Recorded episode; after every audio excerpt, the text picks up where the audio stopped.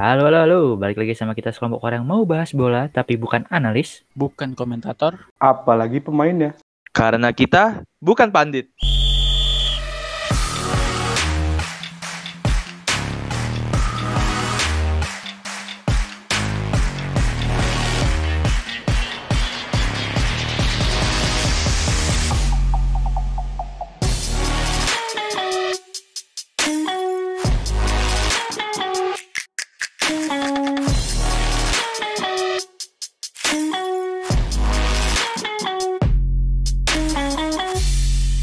Bukan pandit. Apa, dong? Apa dong?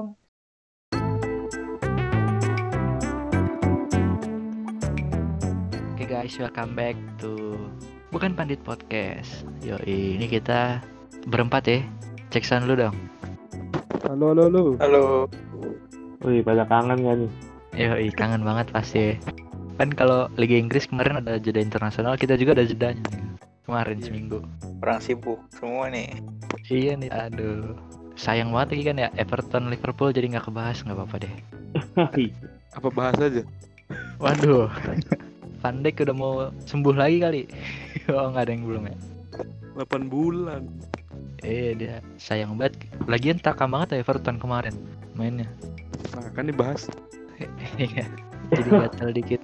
Jadi gatel ngebahasnya. Iya, gue sebagai bukan fans Liverpool ikutan gatel juga lihat si Richarlison tarkam banget. Karena tarkamnya kemarin tuh ada pengaruhnya pak ke matchday 66. 6 ya ada ada pengaruhnya juga di matchday 6 jadi ini kita recording hari Selasa hari Selasa setelah matchday 6 beres jadi kemarin kita udah lihat tim Liga Inggris akhirnya tidak ada yang clean sheet semuanya pernah kalah yo adanya yang belum pernah menang tuh yang belum pernah menang Fulham kayaknya tuh di paling bawah tapi semuanya iya kan Tapi Fulham gak ada fansnya. kenapa Fulham Fulham gak ada fansnya kayaknya. Oh iya, bener. Fulham mania gue. Fulham mania emang namanya itu Fulham mania men Orang nama nama fansnya Fulham Medic ya. orang ultras Fulham ya Fulham nggak pernah menang dapat tracker nggak tuh ya? waduh kayaknya kan kalau pernah Derby County kayaknya udah pernah dah. Udah pernah menang. oh iya Pernah Derby County cuma Dua kali. menang ya? satu kali dalam semusim. Cuma dapat cuma dapat 8 poin dalam semusim. Tuh. Gokil 8 poin. Jari aja 10 loh. Dia semusim dapat 8 poin doang. Mantap. Golnya Bayern Itu- Munchen aja 8. Enggak, dia itu 8 poin berarti pekan ke 10 lah udah pasti degradasi. Jadi dia udah pekan ke-11 udah males-malesan mainnya kayak ah, ngapain lagi gue main. Mending gue siap-siap musim depan di ini di Liga 2. Aduh. Ayo lanjut lah, masa kita bahas Derby County. Aduh iya bener. Kagak ada matchnya juga lagi nih. Yo yo, kita bahas apa nih? Nah, jadi kemarin tuh kan eh, si siapa? ya? Yang kan di episode 1 kan kita nanya kan, yakin kan yang bisa bertahan nih Everton? Nggak taunya beneran bos. Baru jeda tiga minggu ya, tahu-tahu kalah. Lawan lawan apa teh kemarin? Southampton. Southampton yo. Hantar. Southampton. Mana si Luka Lukadin. oh ya si Lukadin kartu merah lagi kan kayak sama Liverpool Tarkam sama akademinya juga Tarkam buset mantap Everton emang nah kira-kira nih menurut teman-teman nih kan sampai minggu ke-6 ini belum ada nih tim yang kelihatan kayak nonjol banget gitu lah semuanya pernah kalah nah kira-kira eh, apa sih pengaruhnya kekalahan Everton ini sama Aston Villa juga kalah kemarin Aston Villa yang eh, selama beberapa pekan kemarin main APD akhirnya kemarin kehabisan bensin juga kan kalah 3-0 sama tim promosi Leeds United. Nah, mantep nih. Kira-kira gimana nih menurut teman-teman? Lu gak duluan nih yang mau berkomentar. Pengaruhnya menurut gue mana ya? Nggak ada pengaruhnya sih kayak biasa.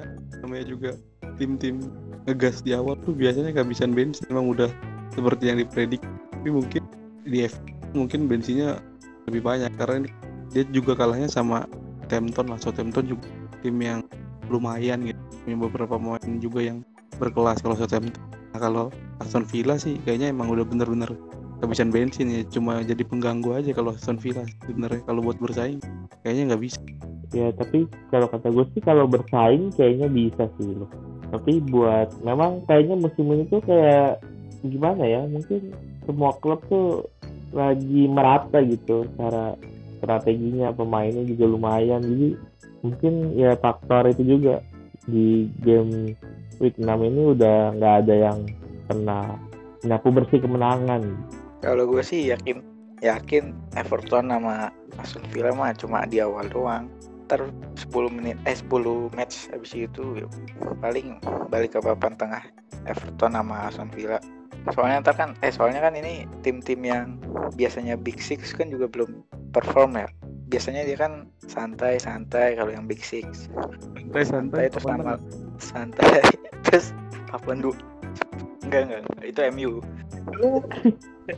Big Five Big Five. berarti kan kalau yang kayak Chelsea City biasanya dia dari low terus akhirnya konsisten. Kalau yang biasa kayak Everton Wolverhampton gitu-gitu kan biasanya awalnya doang dia bagus. Terus lama-lama paling ya perebutan Europa League paling.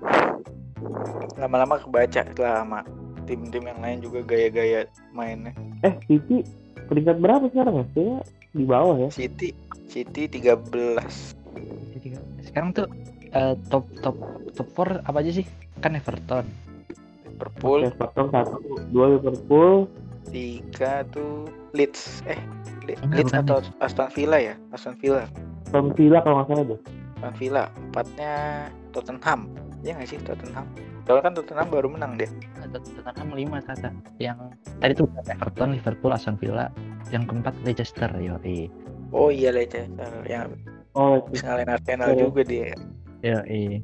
Nah berarti kan eh, menurut gue juga sih eh, di di apa sepanjang enam minggu ini mungkin karena covid juga kali ya. Jadi menurut gue sih ada beberapa hal yang harus disesuaikan sama Liga Inggris gitu. Karena yang pertama nggak ada supporter kan. Menurut gue kan supporter itu termasuk apa ya aktor lah di di stadion gitu. Jadi bisa nambahin eh, semangat gitu kan bisa vibe vibesnya tuh terasa bisa juga bikin grogi pemain muda gitu kan lumayan buat tim lawannya gitu. Jadi menurut gua nggak adanya supporter juga ngaruh sih kayak big match kayak kemarin MU Chelsea buset anyep banget pak. Kayak agak ada panas-panasnya pisan. Terus eh, derby Merseyside juga ya walaupun ada. Everton, iya walaupun Everton main Tarkam juga kan kayak garing aja gitu kayak ya elah gitu. Ya menurut gua sih kalau dibilang gitu gue aja City bisa juara loh. Biasanya nggak ada supporter aja ya? Karena biasanya supporternya juga nggak ada. Biasanya supporternya nggak ada covid juga social distancing. Dua iya iya iya. Tapi bener juga sekarang gara-gara nggak ada supporter tim away sering menang. Ya kan? Kayak kayak jadi nggak ada beban mentalnya gitu kan. Dulu kan walaupun main di kandang Burnley kan tetap ada semangatnya Burnley. Tetap menyulitkan tim-tim papan atas. Sekarang udah timnya Burnley nggak ada supporter. Udah Burnley nggak ada supporter. Udahlah Fulham juga kayaknya. Fulham gak pernah menang kayaknya itu juga gara-gara itu. Kayaknya ada full tim gue begitu yang dukung juga nggak ada. Apain gue di sini? Iya kan ntar nggak ngapain weekday, juga di situ lah. Kalau weekday 10 kagak menang-menang udah dah siap-siap buat championship aja dah. Daripada capek. Nah terus itu kan eh, supporter. Tapi nggak adanya supporter juga ini sih nambah kepercayaan diri pemain muda gitu karena kagak ada yang nyorakin kalau salah kan. Nah terus mungkin eh, covid ini kan apa ya maksudnya datangnya tuh tiba-tiba gitu. Kayak kemarin pas eh, nggak ada Thiago nggak ada Mane kan Liverpool kena banget tampaknya gitu. Terus di liga-liga lain juga kayak di Italia banyak juga yang kena covid kayak Donnarumma kemarin kena covid. Terus CR juga kan kena covid nih nggak tahu nih besok main apa nggak lawan Barca kan. Jadi menurut gua karena itu sih karena covid jadi kondisi pemain nggak bisa nggak bisa terjamin 100% bakal fit. Walaupun mereka nggak cedera kan bisa aja tahu-tahu covid gitu. Jadi cedera jenis baru lah gitu. Terus nggak ada supporter itu bikin 6 minggu pertama ini kayak masih adjusting gitu masih penyesuaian. Salah satu faktornya paling ya. Eh di samping ini kan kemarin kan selesainya baru selesai belum lama ya musim lalu. Terus udah Oh. mulai musim baru mungkin itu salah satu juga. Jadi nggak ada uji coba uji coba waktu yang lama buat persiapan tim. oh iya benar nggak ada preseason jadi nggak nggak tahu ya racikan timnya tuh harus gimana gitu buat ngadepin liga atau udah mulai aja gitu kan tim besar kan belum Betul. pada masih nyari-nyari komposisi yang pas kayak Lampard kan masih nyoba-nyoba terus tiap match Karena pemainnya banyak. Kalau Fulham mau nyoba-nyoba gimana caranya? Kenapa bahas Fulham lagi? Fulham mah nggak usah dicoba dia nggak usah preseason udah siap siap degradasi Siap degradasi. Udah jadi gradasi. Parah banget ada fansnya ntar anjir. Eh Fulham Wih, tim maafin London. ya. Fulham, maaf ya Fulham apa Fulham nama mania fansnya? Fulham mania Fulham mania. Maaf ya Fulham Mania. Fulhammania.id. Maaf ya. Fulham klub sejarah sih Juga Jir. sorry sorry sorry itu Fulham ya Eh, sorry, sir. Kenapa tuh seru? ada lah masa nggak ada fans Bayangkara apa Karena ada fansnya parah banget. Berarti untuk eh, Everton sama Aston Villa kira-kira ada, ada tambahan nih? Apalagi kan Aston Villa kemarin kalahnya lawan Leeds gitu, Leeds tim promosi, terus si strikernya hat trick gitu kan. Kira-kira ada tambahan nggak? kalau gue sih ya udah itu nggak bakal bertahan lama paling papan tengah Ya, memang kalau dia, dia sih kemungkinan bakal ada di papan tengah sih nanti ujungnya. Kayaknya buat munculin Leicester baru bakal lumayan sulit sih di musim ini. Kan kalau dulu kan Leicester kayak benar-benar satu klub kuda hitam yang mengejutkan klub kita. Kayaknya kalau sekarang agak sulit karena memang saling mengalahkan satu sama lain sih dari pertandingan yang ada nih. Everton bisa juara atau Liga Champion kalau tim-tim Big Six-nya ya catat sampai akhir. Dulu kan Leicester dibantu juga sama tim-tim papan atasnya kan pada gagak main bagus waktu Leicester juara tuh.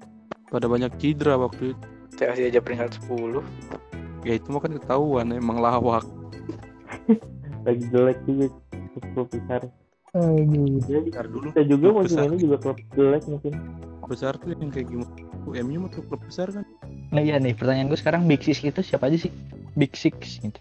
Ini Liverpool, Hmm. City, MU, Hmm. Arsenal, Tottenham, Chelsea. Nah itu gue bingung dah kenapa Tottenham masuk Big Six. Padahal trofi terakhir aja. Dia- Eh, Maksudnya dia kan selalu zona Liga Champion eh, iya sih benar sih. peraturan kemarin. Arsenal selalu zona Liga Eropa. Iya. Aduh nih seru banget Kapan terakhir Arsenal? Kapan terakhir Arsenal masuk Liga Champion? Kapan ya gue gue keinget ya? Gue nggak inget sih tapi biasanya kalau Arsenal itu kalau nggak ketemu Barca atau nggak bayar Munchen ya pasti. Iya, Iya. sama Munchen dibantai di sini. Biasanya kalau nggak Barca. Munchen. Lolos grup habis itu 16 besar ya ketemu Barca sama udah. Terakhir kali nggak kebantai ketemu Barca itu di final kayak di final 2004. Enggak, dia pernah menang. Dia pernah menang lawan Barca kalau nggak salah. Kalau- satu tadi. Leg keduanya kebantai. Pernah pernah pernah. Eh, gue inget kok itu. Kalah 2-1 Barca. Cuma pas leg satu menang ya pas leg duanya kebantai tetep aja. Iya, Cuma udah lama sih Arsenal di ini terakhir UCL udah lama banget deh. Iya. Udah lumayan lama maksudnya. Monceng Gladbach kayaknya. Kok tiba-tiba muncul Gladbach? Soalnya gue lihat ada ini, ada Madrid on Monceng Gladbach.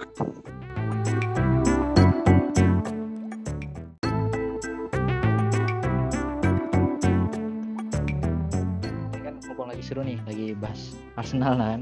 Kemarin nggak ketemu Munchen, nggak ketemu Barca, tapi tetap aja kemarin kalah pak. Lawan Leicester, yoi. Kemarin kalah 1-0, digolin sama Jamie Vardy, yoi. Ini Bang Fardi. Fardi makin tua makin makin mantap. iya loh Vardy. Padahal umurnya udah berapa sih dia? Gak tahu deh. 30-an. 34 Tiga kali. puluh berapa ya? Dikit lagi pensiun ya. Tiga tiga dia.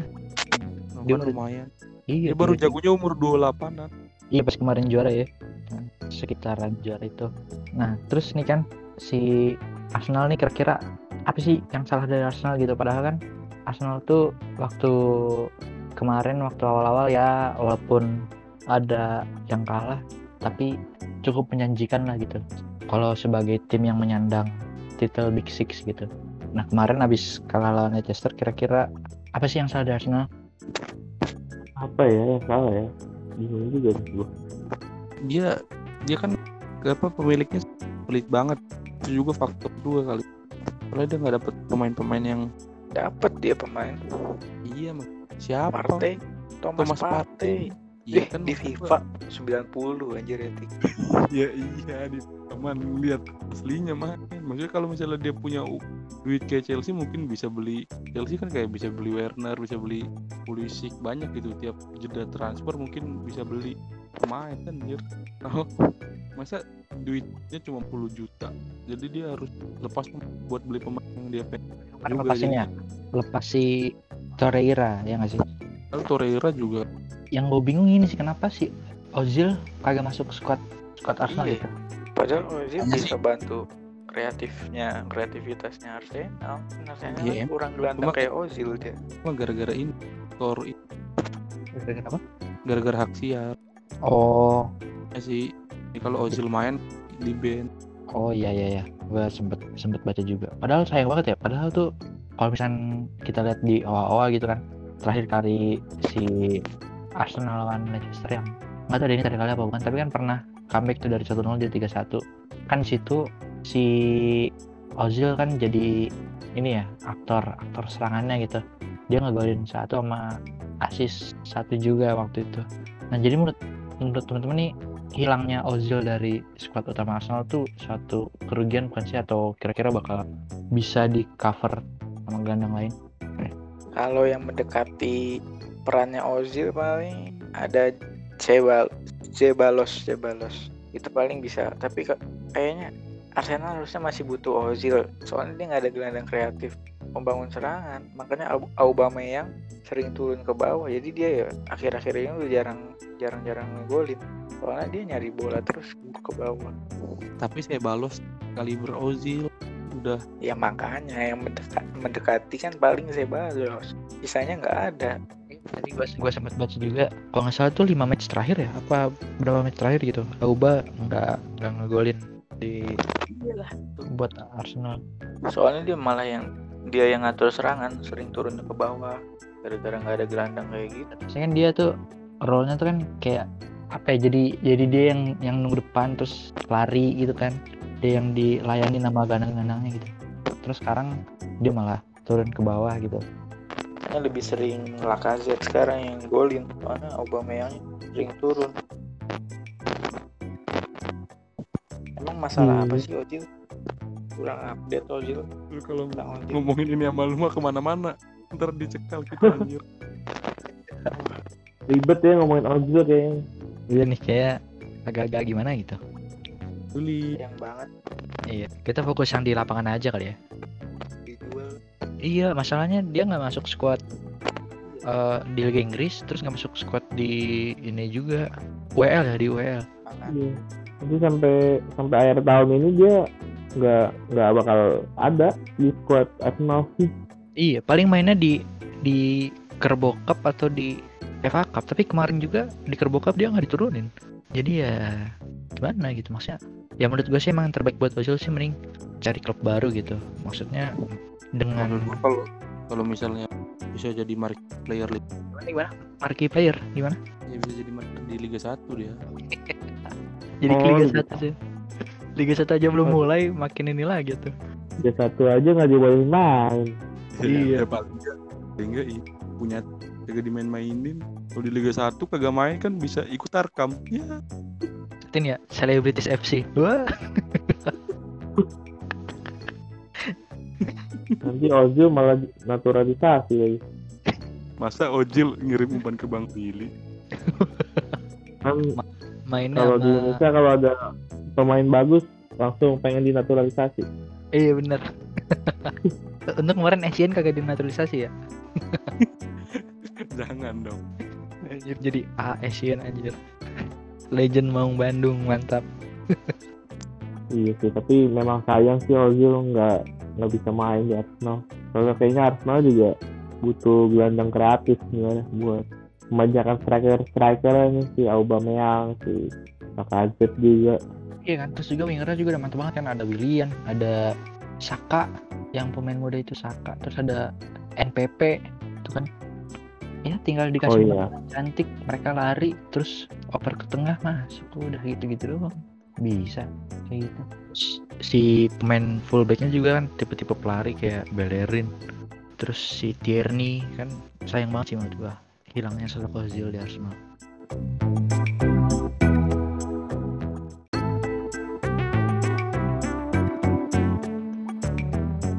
Nah kalau tadi Arsenal kehilangan sosok Ozil gitu kan. Jadi ada kemungkinan serangannya anyep ke depan. Ada lagi nih tim yang anyep banget. Kemarin yang katanya big match udah dinanti-nantikan sama s- penjuru fansnya di tiap negara gitu kan. Taunya ya elah mainnya buset pak pak. 90 menit oper lari hilang bola oper lari hilang bola gitu. Bosenin ya. banget parah gila. Itu talenta bukan adalah laga MU lawan Chelsea yo Ih, katanya big match tapi lebih seru lihat Leeds main sumpah Mending nonton U19 iya U19 tuh kemarin eh, seri ya seri apa apa gimana sih menang oh menang ya U19 dulu nih gue kurang Menang update nih. kalau ini Fans fans Chelsea gimana nih? Ngeliat klubnya main.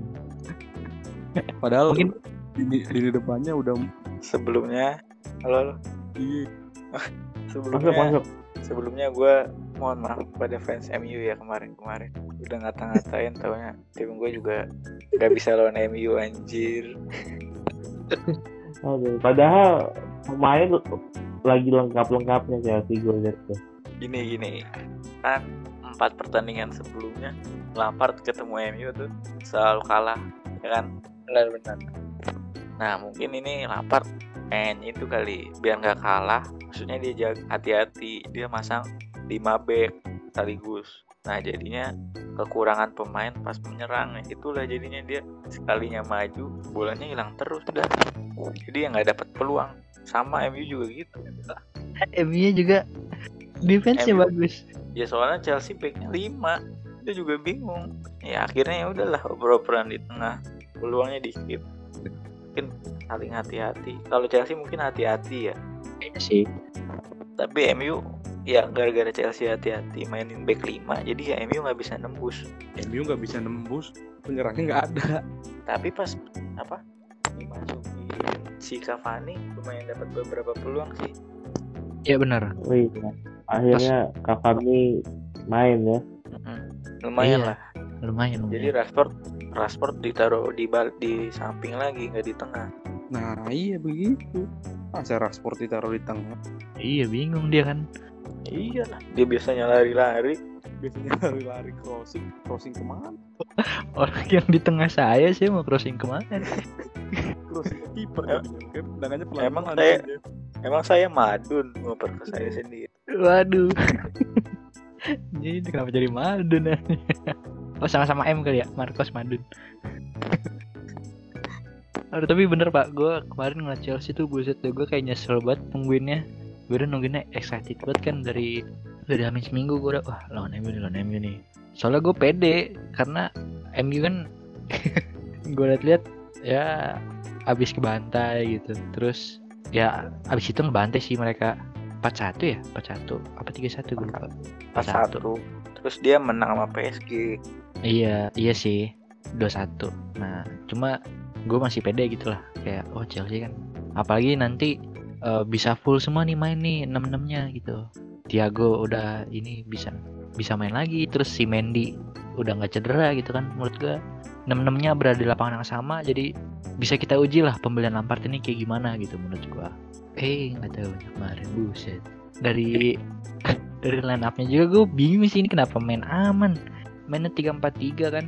Terus yang di depan juga ya buntu aja gitu karena si gelandangnya lebih fokus bantu pertahanan gitu. Si Kante kan tukang pukul ya maksudnya mereka nggak si Kante nggak bisa nggak bisa ngoper gitu. Dia tukang jegal dia jago. Tapi kalau counter attack dia dia grogi gitu. Terus si Jorginho Gitu. juga gitu kan. Kurang Jorginho- support pas nyerang. Iya, jadi nggak ada nggak ada AMF-nya gitu. Sedangkan di di beberapa pertandingan terakhir Lampard selalu pakai AMF gitu. Selalu si Havertz nggak di AMF atau si Mount gitu. Terus kemarin nggak ada kayak lah terus mau ngapain gitu. Gelandangnya role-nya bertahan semua gitu, nggak ada gelandang serang.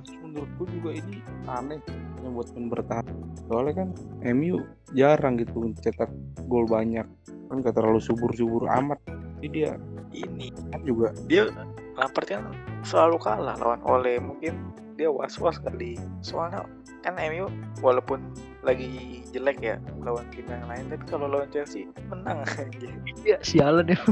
gue kesel banget. bahaya juga. Makanya bahaya juga. Lampard jaga-jaga kali. Tapi ya gitu jadinya nggak ada serangan. Di ke sana kayak laga amal gitu kan. Baik banget nih lagi pandemi gelar laga amal gitu buset. Kan kalau misalnya ada duel antara Werner sama Maguire kan kita ada hiburan. Iya makanya kan. Lihat Maguire mencoba ngejar Werner. Kan itu hiburan. ya orang Werner nggak dapat operan sama sekali Iya kan karena nggak ada si AMF, nggak ada AMF-nya jadi nggak ada support ke Werner. Kan biasanya Tapi- Werner Oh, Werner. Ya lanjut ya. Oh ya, kan biasanya Werner kan di Werner kan disupport sama si Havertz, Havertz dari tengah gitu. Sedangkan kemarin kan Havertz mainnya ke sayap gitu. Jadi ya susah juga. Terus kan biasanya juga ada peran si Mount gitu. Si Mount kan dia jadi winger kiri, terus dia biasa buka-buka ruang gitu buat si Werner agak ke kiri biar dia lari gitu. Tapi kan kemarin kirinya eh di sayap kanan kiri kan udah udah maksudnya on ballnya tuh udah bagus gitu si polisi sama Havertznya. Jadi Werner tinggal diam di tengah menurut gue itu gimana ya? Jadi nggak ada lari nggak ada lari larinya gitu si Werner tinggal nunggu tengah. Belum lagi si Maguire mainnya selain kontroversi di kotak penalti itu ya yang lawan Aspi menurut gue uh, Maguire mainnya bagus sih kemarin. Dia motong-motong operan penting gitu. Jadi si Werner seakan-akan dikantongin sama dia gitu. Kata gua MU kalau walaupun lagi jelek lawan Chelsea jadi bagus. Iya itu dia. Gue kaget juga Apa? kemarin. Lindelof juga Lindelof. Nah bener. Lindelof juga kemarin lagi bagus-bagusnya gitu. Padahal gue nungguin mereka blunder gitu kayak Blunder dong ayo dong lawak dong lawak dong. Malah malah Mendy yang hampir blunder. Aduh kacau Oh iya. betul. aduh aduh kacau banget itu. Tapi menurut menurut lu nih, kebantu nggak ada Mendy di pertandingan kebantu besar? sih kayak gini? bantu Bantu kebantu banget Bantu banget gila. Dia banyak melakukan penyelamatan apalagi menit terakhir tuh. Iya bagus banget Bang. kalau gol gue matiin langsung streaming. Itu kalau gue gue jadi fans Leeds United itu langsung.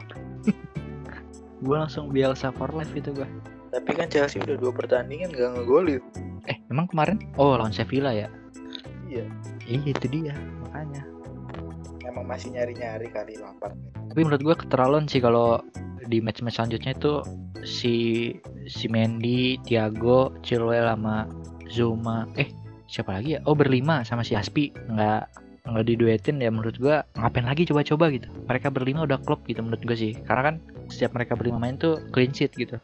Jadi menurut gue James harusnya yang gak usah main. Iya itu dia Rhys James. Kurang kurang kontribusi Rhys. kata orang Rhys James bagus Rhys James bagus kata gue mah. sama kayak ini Ismet. Kenapa ke Haji Ismet? crossingnya doang bagus. Eh, Ismet bagus juga dribblenya. iya iya makanya kan. Bang gue bilang Rhys James jelek kayak Ismet gue bilang. Eh sorry sorry. The Jack sorry The Jack. Gue lindungin man dari The Jack Makanya lu jangan ngomongin Ismet Harusnya- Lu ngomongin The Jack Batam anjir. Lah harusnya bangga lah gue samain sama pemain Chelsea gimana? Kalau kalau James itu Ismet BP berarti Giroud tuh. Iyalah kan sundulan dia Hardy Tapi Giroud juara dunia BP juga juara kemer piala kemerdekaan. Parah banget. Timnas mana pernah juara? Malah ke Ya. timnas sekarang anjir. Piala Piala Presiden sebenarnya. oh iya piala presiden. Nah nih kalau ngomongin Giroud tadi kan gue jadi keinget kan.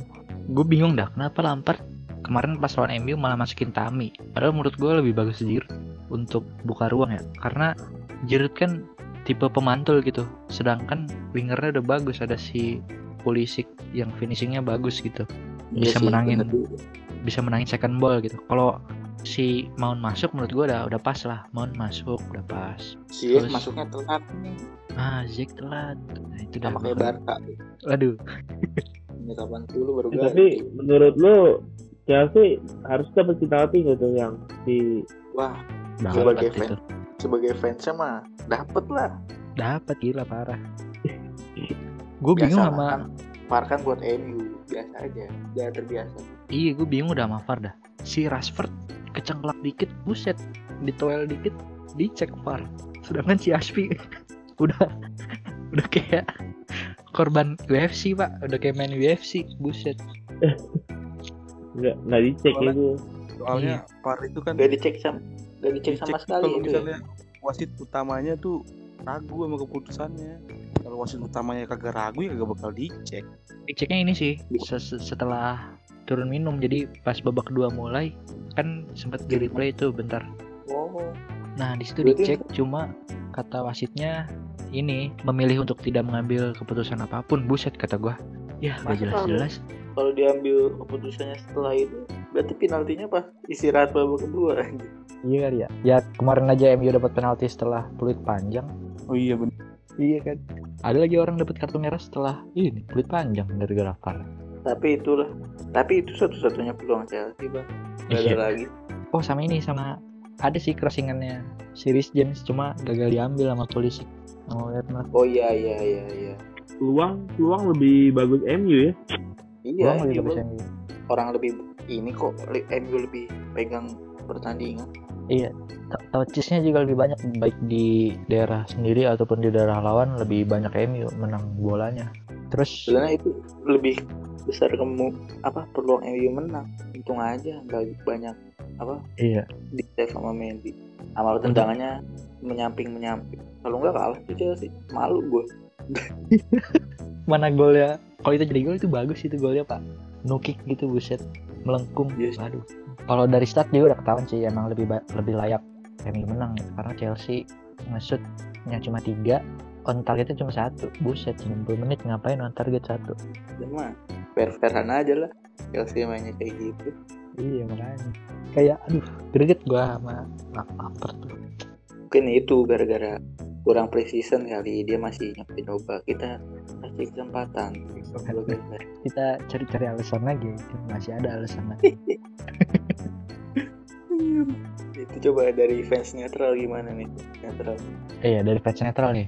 Gimana nih? Dari Luga atau ya saya?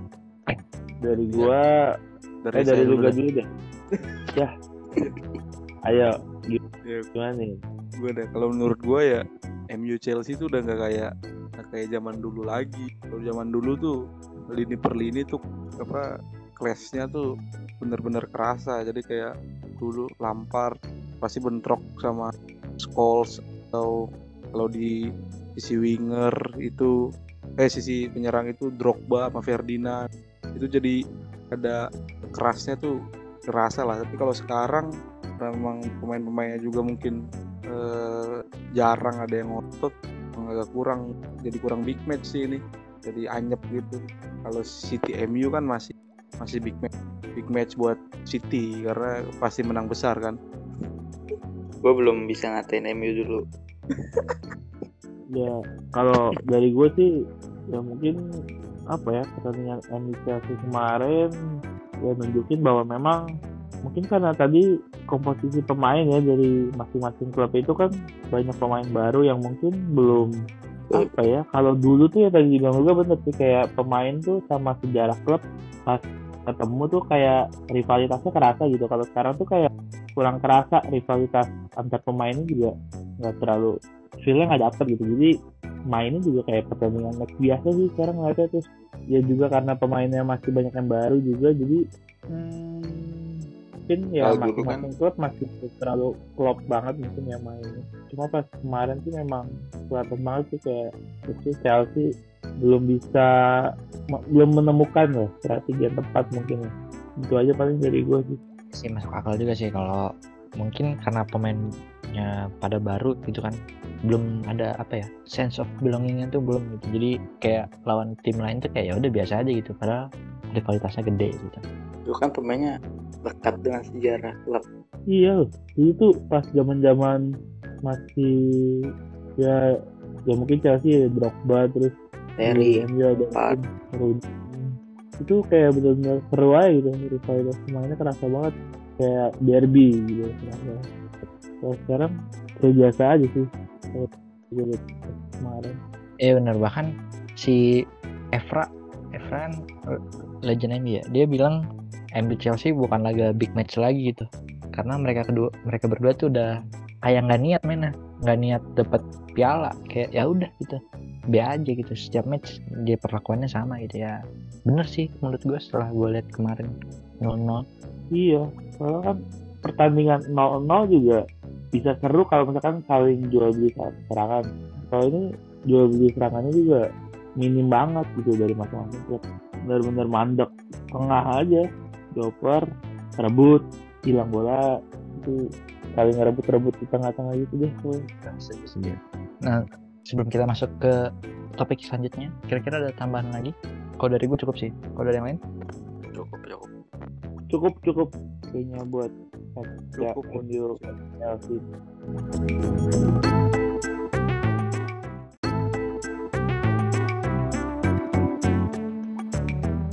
Intinya Chelsea MU overrated lah ya. Matchnya terlalu dibesar-besarkan padahal nggak sebesar itu. Nah kalau ngomongin match yang besar yang panas gitu yang yang derbynya ya menurut gue kerasa lah derbynya. Itu kemarin ada pak tapi bukan di Liga Inggris. Ada di Liga Spanyol yoi. El Clasico yo. El Clasico nih mantap nih. Kebetulan pas banget nih ada fans Madrid ada fans Barca. Kayaknya kita berdua kurang-kurangin lah Yaman ya biar mereka berdua aja Iya, yang biar biar inilah dia debat iya kita moderator aja Anjir. kita Oke. menambah bumbu, bumbu perdebatan aja iya kita kompar-kompar aja nih oke dah langsung kira-kira siapa duluan nih yang pengen ngomong Mungkin dari tim yang yang menang dulu kali. Gue fans Madrid terus Madrid Clasico. Sekarang tuh ya gimana ya? Kayak ya biasa aja gitu. Soalnya gue lihat Messi tuh males-malesan gitu mainnya kenapa ya? Padahal kan El Clasico tuh dulu identiknya juga pertemuan Messi lawan CR kan. Nggak ada Ronaldo soalnya nih. Ronaldo-nya udah nggak ada, Messi-nya yang harusnya bisa jadi bintangnya di El Clasico menit dari menit 67 udah nunduk aja main gara-gara nggak dioper ya gara-gara gara-gara final dioper juga ya. Messi sekarang udah beda sih mainnya. Dia lebih apa ya lebih ke playmaker ya dibanding striker atau wing gitu. Kerasa banget ya. Cuma hilangnya Xavi Iniesta tuh kerasa banget berarti. Ya, pemain tengahnya masih belum bisa mengisi banget. Sih iya kalau Iya. gue lihat kemarin. Iya lihat apa tuh? Kalau gue lihat gue lihat kemarin sih De Jong ini kayak dibully sama Modric sama Kroos sih.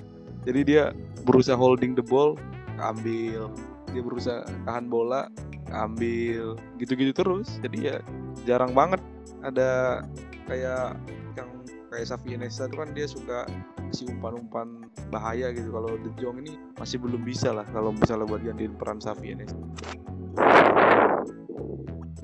Iya tapi kalau yang mungkin juga dari kemarin sih sebenarnya salah satu yang jadi permasalahan nih pemain belakang Barca ini masih kurang disiplin sebenarnya. Kayak masih belum kokoh banget gitu. Gue ngeliatnya kurang serap banget. Maka ini tengahnya ya bukan sayapnya. Kayak apa tapi Tapi- kemarin pemain sayap Barca itu Shannon si Des yang dari Amerika. Dia kan debut terus Iya sih. starting line up itu menurut gue lumayan sih. Maksudnya untuk pertama kali pemain muda juga bisa masuk starting line up di Barca itu udah lumayan bagus sih. Meskipun mungkin masih tetap ada kekurangan sih. Pak Pique baru jago kalau ada tandemnya. Kenapa lu tandem tandemnya sekarang kurang bagus. Tuh sama iya Puyol juga sama Ramos masuk. Sama kurang. Gue juga kurang tahu sih kalau masalah tandemnya si eh, siapa? Lenglet. Cuma gue kayak memang kurang serak aja sih ngeliat Lenglet itu terus. Padahal ada beberapa pilihan sih ada kayak Um Titi itu jarang ada? terus masih masih ada tapi jarang dimainin. Terus pemain muda dari Uruguay Todibo. Itu eh padahal. Todibo lagi. Sorry bukan. Todibo mah lagi dari Perancis dipinjemin. Si eh gue lupa lagi namanya. Ah dari A. Aduh gue lupa banget lagi. Arwajo apa sih Ara Aru Jawa Araju. Aru Aruja Arujo. Araujo. Oh ya Araujo. Yang dari Uruguay Ronald Araujo ini si Lengle Lenglet ini suka buat pelanggaran ini ya nggak jelas ya sering pas nggak jelas bukannya pas di Liga Bosen. Champion dia bukannya pas di Liga Champion dia kartu merah ya kemarin ya ya nggak sih Ah, yang kartu merah tuh siapa ya? Gue lupa lagi bentar. Ah iya ada yang kartu merah cuma Oh, Pikwe, Pikwe, Pikwe, Pikwe. bukan lain. Iya Pique ya. Bukan, bukan. Oke. Iya. Ya cuma memang ya pas di La- kartu merah pas di La- pas kali juga Liga dia waktu lawan siapa. Ya kan dia suka buat pelanggaran-pelanggaran aneh. ya udah gue juga nggak tahu sih sama pemain belakang nih memang agak bermasalah sih dari beberapa belakang cuma memang gue nyayanginnya pas kemarin juga ini sih eh, pergantian pemain Barca itu menurut gue terlalu lama sih si Ronald Koeman ini ganti pemainnya soalnya dia ngeganti pemain tuh di menit 80 ya. 80-an kayaknya 80 terus langsung Iya. tiga pemain gitu padahal terus harusnya gas- dari dari ya mungkin menit 60 70 tuh harusnya udah mulai melakukan pergantian soalnya permainan Barca nggak stuck di situ aja cuma nggak tahu kenapa diganti dan kirain gue bakal mau masukin kayak kayak pemain tengah yang apa ya lebih kreatif kayak ada pemain Pjanic. tengah berbakat tuh si ya Pjanic atau eh, siapa tuh pemain muda? Eh gue lupa lagi. Ri, Kau, Ri Rin Kau, bukan bukan. Bukan. eh Puig. Puig, Puig. nah soalnya kan tadi kan di Jong ini kayak kurang ini ya kurang support juga. Kalah sama Cross. Nah cuma pas dimasukin ternyata juga malah lebih ke arah ini nyerang sih memang karena kan ngejar skor ya maksudnya Griezmann, Dembele sama si Trincao tuh cuma Trincao, Griezmann sama Dembele kurang apa ya kemarin juga kurang mengubah gaya permainan juga sih pas masuk Si Kuman Kayak terlalu berani ya. Dia masukin Dia masang- lagi. Dia masang Pedri dari awal. ya. Padahal ini El Clasico. Kenapa nggak Griezmann aja yang lebih pengalaman dulu? ini gue juga nggak tahu sih kenapa lebih milih Pedri Kalau gue sih berharap kan bisa melihat Pjanic punya menit lebih di Barca. Iyalah harus dikasih ini lah waktu. Jangan masih best squad diganti dulu lah. Gol ketiga juga nggak bisa soalnya Neto ini banyak penyelamatan juga nih. Si Madrid ini nyerangnya efektif banget tuh Iya nih, itu itu keren sih beberapa amatan. Real Madrid ini sama kayak MU kalau ketemu Barca walaupun lagi jelek-jeleknya tetap bagus deh Kalau ketemu Soalnya rival gengsinya parah. iya kan? Dia kalah tapi lawan Barca lucu mainnya bagus banget. Soalnya emang lawan Shakhtar kan Modric tuh gak dimainin gitu. Emang diistirahatin. Modric kan kemarin gak starter. Lalu. Lawan Barca. Modric nggak starter. Masuk dia Gol gol terakhir Modric itu epic parah sih. Maksudnya kiper Barca dia ayam ayamin pak buset. Kanan kiri kanan kiri. berasa bukan pemain bola berarti. Iya. Kayak lagi main ucing-ucingan buset. dan banget sih pas di gol ketiga kayak ya udah ya udah dia biasa terus Messi ya langsung nunduk-nunduk gitu gitu Messi pundungan nih, aduh. Eh tapi penaltinya coach kayak penaltinya itu gara-gara apa sih narik baju ya? ya baju Jatuhnya jauh banget si orangnya. jatuhnya emang ini sih jatuhnya emang dilebay-lebayin tapi beneran ditarik di Iya, iya, beneran foul tapi jatuhnya harusnya tapi aneh juga sih Lenglet itu bola Ramos loncat setinggi apa juga nggak bakal nyampe dia aduh, aduh gimana nih pembelaan nih pembelaan dari fans Barca kayaknya nggak ada dah emang aneh sih. Bolanya tinggi banget tuh ada-ada aja emang. Save-nya juga bagus sih. Kemarin tuh mainnya siapa sih? Mainin Ter Stegen kan kemarin? Bukan. Oh mainnya siapa? Neto. Neto. Oh iya Neto. nggak tahu nih Ron Kuman ini masangnya nggak tahu mulu sekarang. Gue kurang tahu kenapa dia bukannya ini cedera. Oh si Ter Stegen cedera? Iya di Jerman kan juga nggak dipanggil. Oh oh cedera ya? Oh iya. Gue gue gue nggak tahu ya? Cedera gue bener kurang up to date nih gue kurang percaya sih. kalau gue jadi bukan pandit. kalau jadi kumen Ter Stegen gak cedera ya gue mainin terus lah. Iya sih gua kok jadi kumen juga gitu. Sih tapi masalahnya kita bukan kumen kita kuman. Kita kumon kita. Waduh les matematika gua. Kumon tapi bisa lah sponsorin kita ya Kumon Kumon iya jangan sampai Nanti kita Kan? tambahin 2 menit buat episode episode keberapa kan kita promosiin Shopee ayolah Shopee juga masuk Shopee ayolah Shopee. Anjir. Tapi ini sih, gua gua sebagai fans Barca mungkin lebih meskipun kalah, tapi ya gua ngasih kemenangan buat terus supaya Zidane nggak dipecat aja sih jadi pelatih Madrid nanti.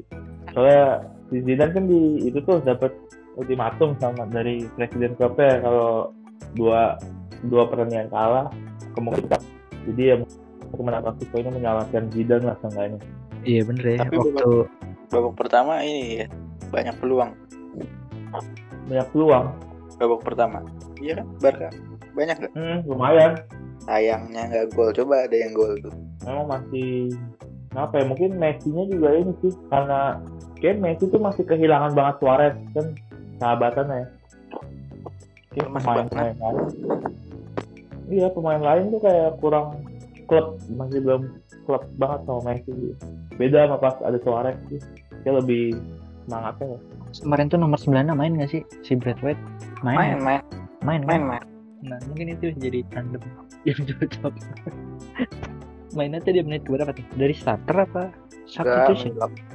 Menit 80-an Menit 80 itu kan? Masuknya bareng Griezmann sama Dembele kan? iya Hmm. Itu sih gue sebagai kayaknya Besquet harus di ini dulu nih harus dirotasi dulu nih Iya sih gua dari dari udah lama tuh dari lama tuh gua pengen banget ngeliat maksudnya si Busquets ini jangan dimainin dulu gitu kayak kurang berkontribusi di permainan tengah Barca soalnya dia bertahan banget enggak tapi menyerang juga kurang banget gitu jadi kayak kurang kreatif aja kurang nggak condong ke bertahan atau menyerang Busquets tuh yang gue lihat sekarang. Makanya permainan alur bola Barca juga kan sekarang udah bukan yang positioning banget lagi kan. Iya. Kalau mungkin dulu pas zaman zaman Guardiola Tiki Taka position ball oke lah. Busquets ngalirin bola. Nah, sekarang saya udah kurang cocok gitu sama gaya main Barca. Mungkin bisa diganti Janik yang punya shootannya lebih bagus kan dibanding Iya, harus- Busquets harus dikasih Barca iya soalnya lumayan gitu maksudnya ada peluang buat shooting dari luar di lu- dari luar kotak penalti seenggaknya tuh Barca soalnya lumayan jarang Barca punya shooting shooting pemain tengah. Bentar lupa ger Nah gue sebagai eh, fans netral nih kemarin lihat Madrid lawan Barca juga ya kayak ada yang hilang gitu dari Barca. Sebenarnya re- record La Liganya juga lebih bagus. Eh record La Liga, re- record El Clasico sejauh yang gue tahu lebih bagus Barca nggak sih dibanding Madrid? Ya nggak? kurang kurang tahu Ya, kalau gue nggak tahu ya maaf gue bukan pandit. kalau gue salah. gimana nih kayaknya Madrid deh Madrid dah bukan Barca ya? lebih bagus apanya tadi Di banyak El Clasico. kan? Ah, banyak menang. Madrid kayaknya. Iya. kalau nggak salah Madrid deh. Ah, tapi beda dikit doang sih. Oh berarti sama kemarin tambah nambah lagi ya Madrid ya? iya kayaknya tambah kemenangan Madrid nih di El Clasico. Padahal Madrid ini ya nggak terlalu terlalu ganas banget sih. Cuma sayangnya Barkanya Barkanya kurang bagus juga. Sebagai penonton netral sih gue match kemarin cukup menghibur lah. Banyak jual beli serangan terutama di babak pertama lumayan seru. Soalnya ini dia apa kedua tim terbuka. Jadi banyak banyak ruang-ruang kosong lah buat serangan-serangan balik-balik. Cukup menghibur lah matchnya. Untuk hasil mah gak terlalu mikirin soalnya bukan fans Barca atau Madrid. Yang penting seru. Tapi Iya, gue setuju sih. Babak satu memang lumayan seru. Tapi serangan serangan baliknya kurang efektif ya kedua tim ini. iya tapi seenggaknya lebih seru lah dari MU Tapi emang soalnya tapi dia kedua tim lebih seru. dari Clasico ini. Gimana gimana? Dilihat dari El Clasico ini sih eh, pemain Madrid yang muda masih harus banyak belajar lagi sih. Kayak decision makingnya tuh masih sering salah. Kayak Vinicius Rodrigo tuh. Rodrigo tuh yang terakhir tuh mantep sih dia decision makingnya tapi kalau buat Vinicius itu Vinicius tuh kacau banget banyak. sih vin- decision makingnya banyak banget tuh dia udah di depan tiga lawan dua ya salah malah masuk ke dalam akhirnya kerebut gitu-gitu ya tapi sama aja sih kayaknya Barca juga pemain-pemain mudanya yang mungkin baru mulai main kayaknya itu banyak belajar juga sih dan ini dan ini juga catatan tersendiri ya buat sayap-sayapnya Madrid itu kayaknya emang harus lebih ngetel lagi sama kayak Benzema sih. Karena beberapa kesempatan eh, Benzema tuh udah buka ruang udah bu- udah bawa bola ke sayap ngarepinnya kan entah sayap malah ngelebar lagi. Jadi dia udah bawa bola ke sayap malah sayapnya ngelebar lagi. Jadi nggak ada harus Zidane juga punya banyak PR sih kalau mau bicara banyak di La Liga ya sama kemarin Ansu Fati ditaruh di tengah juga kurang iya. kayak gitu. sebenarnya Griezmann lebih bisa sih daripada Ansu Fati ya walaupun Griezmann Iya. banyak kencang gitu tapi dia lebih finishing Soalnya kan Ansu Fati tipenya kayak kayak Rashford gitu sam dari sayap. Walaupun dia golin ya kemarin ya. tapi yang aneh tuh gimana nih Brad White nih gimana ya dimasukin Lord Brad White Brad White ini apa sih posisi aslinya Striker tajam. striker ya artinya be- beneran striker maksud gua dia kayak nggak kayak Iya, striker Beneran? gitu. striker dia striker. ya. suara ya Makanya nomornya 9. kok bisa bisanya Barca nemu pemain kayak dia Ih, dulu kan gara-gara siapa ya? Yang cedera yes. gara-gara itu kan Arjen gitu kan siapa sih gue lupa gimana gara-gara Dembele ya cedera ya. Dembele ya cedera terus kan iya Dembele sih salah satu cedera siapa lagi ya. Iya Dembele Coutinho cedera. kan lagi main Bayern Iya benar Dembele cedera. Iya Dembele Dembele Dembele kan cedera sampai akhir musim kan tuh. tapi kemarin Terus? main deh Ih kan dari musim Kan. lalu si Brad White mah udah sembuh dong iya emang Van Aduh. sama jenis jenis serangnya Barca juga serem juga ya. Ada Dembele, Griezmann, Ansu Fati, Messi. Iya. ada itu Portugal Trincao Nah ya itu. Tapi kenapa Kuman harus ngelepas Suarez ya? Padahal Suarez bisa masih bisa dipakai sih menurut gua di polanya Barca. katanya sih itu katanya ya isu yang beredar itu dari presiden klubnya gitu sih. Dari Dan kayaknya ya cuma pas kemarin sih ya meskipun Barca kalah tapi seenggaknya Ansu Fati ini menciptakan rekor baru lagi nih dia pemain termuda yang mencetak gol di Clasico Iya dia sebelumnya Termuda. termuda timnas Spanyol. ya sebelumnya termuda timnas Spanyol terus pemain termuda Liga Champions Barcelona pemain Barca termuda di gol UCL sekarang ada lagi termuda di El Clasico ya menurut gue masa depan ya cerah cuma tapi sayangnya dia nggak bisa makan tutut di Pekansari. Soalnya Spanyol apalagi Spanyol nggak masuk. Spanyol nggak masuk. Udah, udah ada finalnya yang masuk di Piala Dunia. eh emang nggak masuk ya Nggak masuk Spanyol. yakin Enggak. Kan udah ini Udah, udah, Udah ada Euro, nggak ada Sama- Euro ya. udah ditentuin nama UEFA. oh eh gue belum baca tuh bukannya kualifikasi enggak ya? Enggak ada. Euro kan nggak di nggak diadain.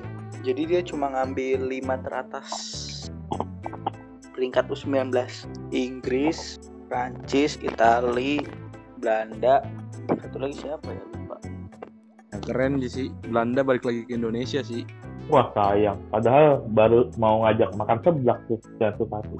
Padahal padahal baru mau ngajak Apa? makan lumpia basah. Masih ada Hudson Odoi sana. oh iya bisa nih Hudson Odoi eh Mas Odoi kan Hudson Odoi kita ajak ke CCM waduh kita beli gaji jiwa masih bisa tuh Hudson Odoi Waduh. Hasan Odoi ini apa? apa? nyedot nyedot. Waduh, dia main ke Lotte ini, ntar Lotte Grosir. Oh iya Lotte, Lotte Grosir janji jiwa. Ayo sponsorin ini. Sate Lamongan. Tapi gue baru ingat kan makan nggak Oh jadi iya. nggak masuk terus tadi ya. Emang nggak jadi. Baru ingat gue. Aduh. Buyar berarti udah. tapi masih bisa Odoi beli kerak telur di GBK waduh Iya. Makan ini ya, makan gultik, gultik tuh. diajak Odoi malam-malam ini, Hasan Odoi bakalan bingung ini ngelihat orang bisa melayang gitu kan pakai tongkat. oh iya bener yang di kotu yang di kotu Oh iya. iya. Banyak lihat manusia silver di antar. Iya. Apresiasi musisi. Waduh. Eh tapi ngomong-ngomong Piala Dunia U21 nih ada kayak peraturan boleh pemain senior gitu nggak sih? Nggak ada lah. Nggak ada ya. Kayak SEA Games. Nggak ada, nggak ada. Jadi kalau kalau itu iya. biasanya Olimpiade. Iya, Olimpiade ada. Tenang, masih ada. Itali siapa Itali? Donnarumma, Donnarumma masih lah ya. Udah tua. Dua satu pas masih. adanya, adanya belum. Oh iya. Tapi ntar kalah fans Milan. Donnarumma. Kok bukan Donnarumma yang ini? Donnarumma. Beda Donnarumma. Masih Ih, bisa lah. Donnarumma masih bisa nggak ya? Oh nggak bisa, udah nggak bisa dia. Nggak bisa dia. Angkatan kita dia. Oh, Kalau Amerika kalau Amerika masuk bisa nih backnya Barca. oh Des, Des. Bisa tuh. Iya. Suruh ini sparring sama Ismail. Enggak. Sama Supriyadi ntar. Dua sama Supriyadi. Mariono. Lanjut. Oh iya kan Oh, Bali ada ada, ini. ya. Ada U21-nya Italia ada Zaniolo, eh Kutron, Kutron. Masa? Oh, lu dua satu emang. Nah ini gue lihat di Google. Oh, Tahun berapa itu Google-nya? Oh ini tahun berapa kagak tahu. Ternyata dia udah tua guys. Putran udah dua dua men. Katanya Google-nya tahun 2018. Ya, tapi Italia U21 siapa ya? Siapa aja sih yang udah pasti ikut? Lupa satu lagi. Kan tadi katanya Inggris, Itali, Belanda, Prancis, satu lagi siapa ya? oh, Belanda, Belanda. Ranking tiga masuk nggak? Bra? Eh, ini match Delic masuk nggak? Delic, Delic. Enggak lah. Enggak ya? Satu Delic lagi siapa ya?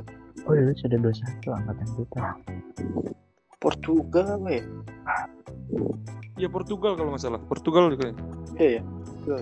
Lumayan ya, Portugal banyak pemain muda. Kita tunggu saja. Mereka melawan tunggu aja. Sintayong. Melawan asuhan Sintayong. Apakah mereka diobrak abrik? Ya, eh. Menurut gue ini bagus banget sih momennya kalau misalnya mau kalau misalnya mau ekspor kita ekspor pemain ke luar negeri ke Eropa lah. Bisa buat jual pemain juga nih event kayak gini. benar-benar mampu disorot dunia ya. Ada Pedro Gonçalves man di Portugal U21 Pedro. mantan pemain Persija. Ampun Persija. Pedro Javier itu. Ya Oke dah. berarti El Clasico ini kita lihat lagi nanti ya bakal ketemu lagi di Jornada keberapa nih lo? Ingat nggak? Jornada 28 kalau Beda-beda kan. Beda-beda kan. Barca aja baru main berapa kali. Iya iya agak agak beda. Pemuncaknya kan ini Real Sociedad. Iya, gue Ada Barca baru kali ini gue lihat Barca nggak ada di klasmen di 10 besar juga nggak ada. Tiba. Gimana nih lo? Ada tanggapan lagi nggak nih mengenai El Clasico pada minggu ini? Gua nggak ada sih. Kalau di La Liga emang gua pede kalau Madrid karena Barkanya emang juga lagi turun kan. Madrid, Eropa nih, Madrid PD, Atletico Madrid maksudnya. Wah, Real, Aduh. Oh.